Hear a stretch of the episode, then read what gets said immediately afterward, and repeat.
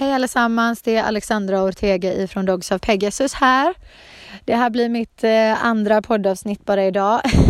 I'm on a roll känns det som och jag tänker att jag satsar järnet så länge som jag har möjlighet. Eh, jag har ett annat litet ämne som jag skulle vilja dra lite snabbt bara. Egentligen är det mer en påminnelse och ett tips gällande det här med kontroll. Eh, kontroll är ett sånt där koncept som många människor eh, har en negativ association till. Eh, speciellt i sammanhanget hund. Många som känner att det är onödigt eller oschysst att tänka att man ska ha full kontroll över någon annan och hunden är ju ändå trots allt en egen separat varelse och då kan det ingå i den tanken att det känns oschysst att ha eh, full kontroll över den. Och jag är benägen att hålla med där. Alltså jag är inte ute efter att ha full kontroll över min hunds alla tankar och känslor och handlingar utan jag vill ju skapa en relation där hunden själv vill eh, följa och vill eh, liksom bete sig schysst mot andra och där den väljer att eh, ta mina direktiv för att det känns bra helt enkelt. Men det är ju onekligen så att de drivs av sina instinkter och det är också onekligen så att vissa av deras instinkter inte riktigt är lämpliga att ha i bruk i samhället hur som helst eller vad som helst eller när som helst. Bara en sån sak som jakt till exempel eh, är ändå en livslevande instinkt i hunden och det lämpar sig inte att jaga var och när och hur som helst. Eh, och då vill jag naturligtvis ha kontroll över den instinkten eller aktiviteten vi sysslar med så att jakten inte tar över. Eh, och det är ändå många människor som har förstått att en viss kontroll måste man absolut ha över vad ens hund sysslar med.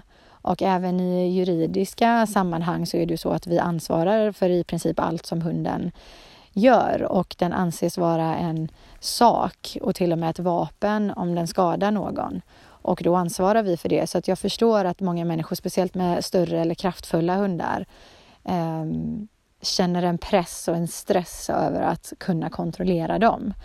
Och det är just i sådana sammanhang där man känner den här stressen och den här pressen, kanske framför allt i sådana lägen där man har varit med om en olycka eller någon negativ incident med sin hund och man har svårt att släppa det och ta sig förbi det.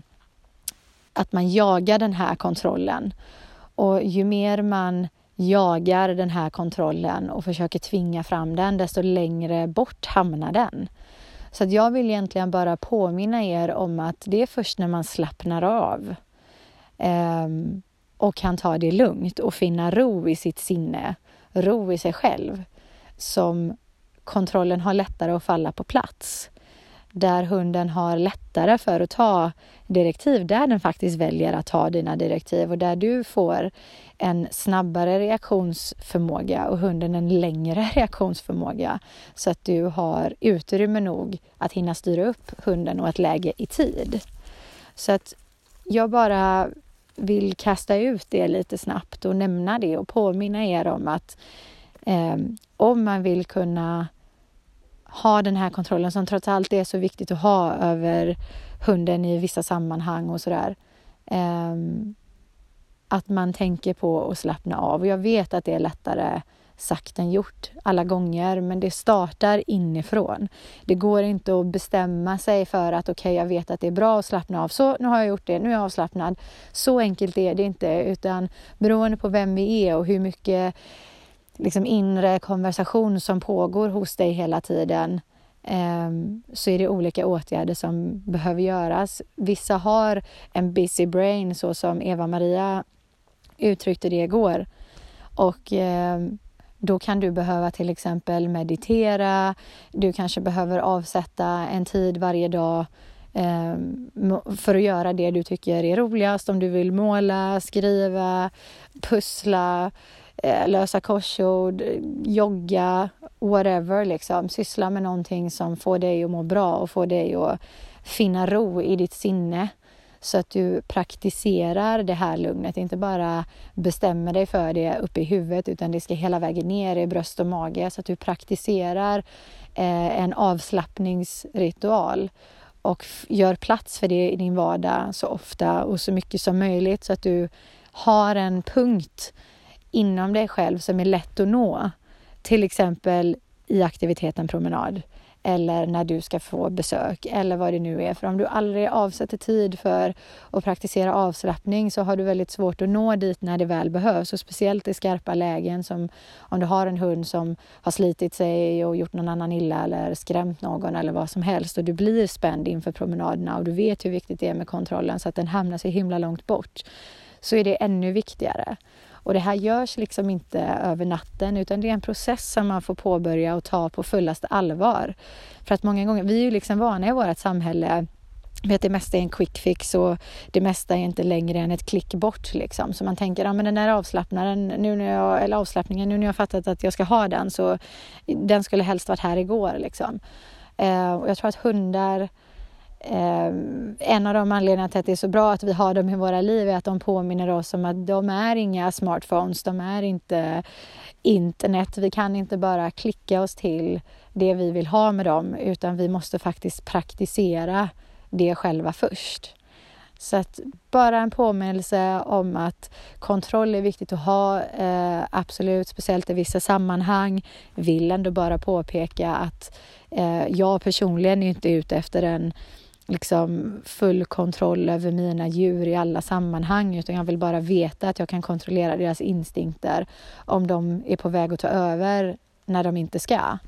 Um, på sätt som de inte ska. Och för att kunna göra det så måste jag kunna slappna av för då faller de här bitarna på plats. Då kan jag se saker tydligare och tidigare och min hund så pass, blir så pass avslappnad av att jag är det så att den får en längre reaktionssträcka som också gör att jag hinner styra upp i tid. Så att inte man tror att man kan tvinga fram den här kontrollen för då bara slinker den dig ur händerna och hamnar ännu längre bort. Så bara en liten snabb påminnelse om det. Eh, och jag hoppas att den eh, är till nytta för er.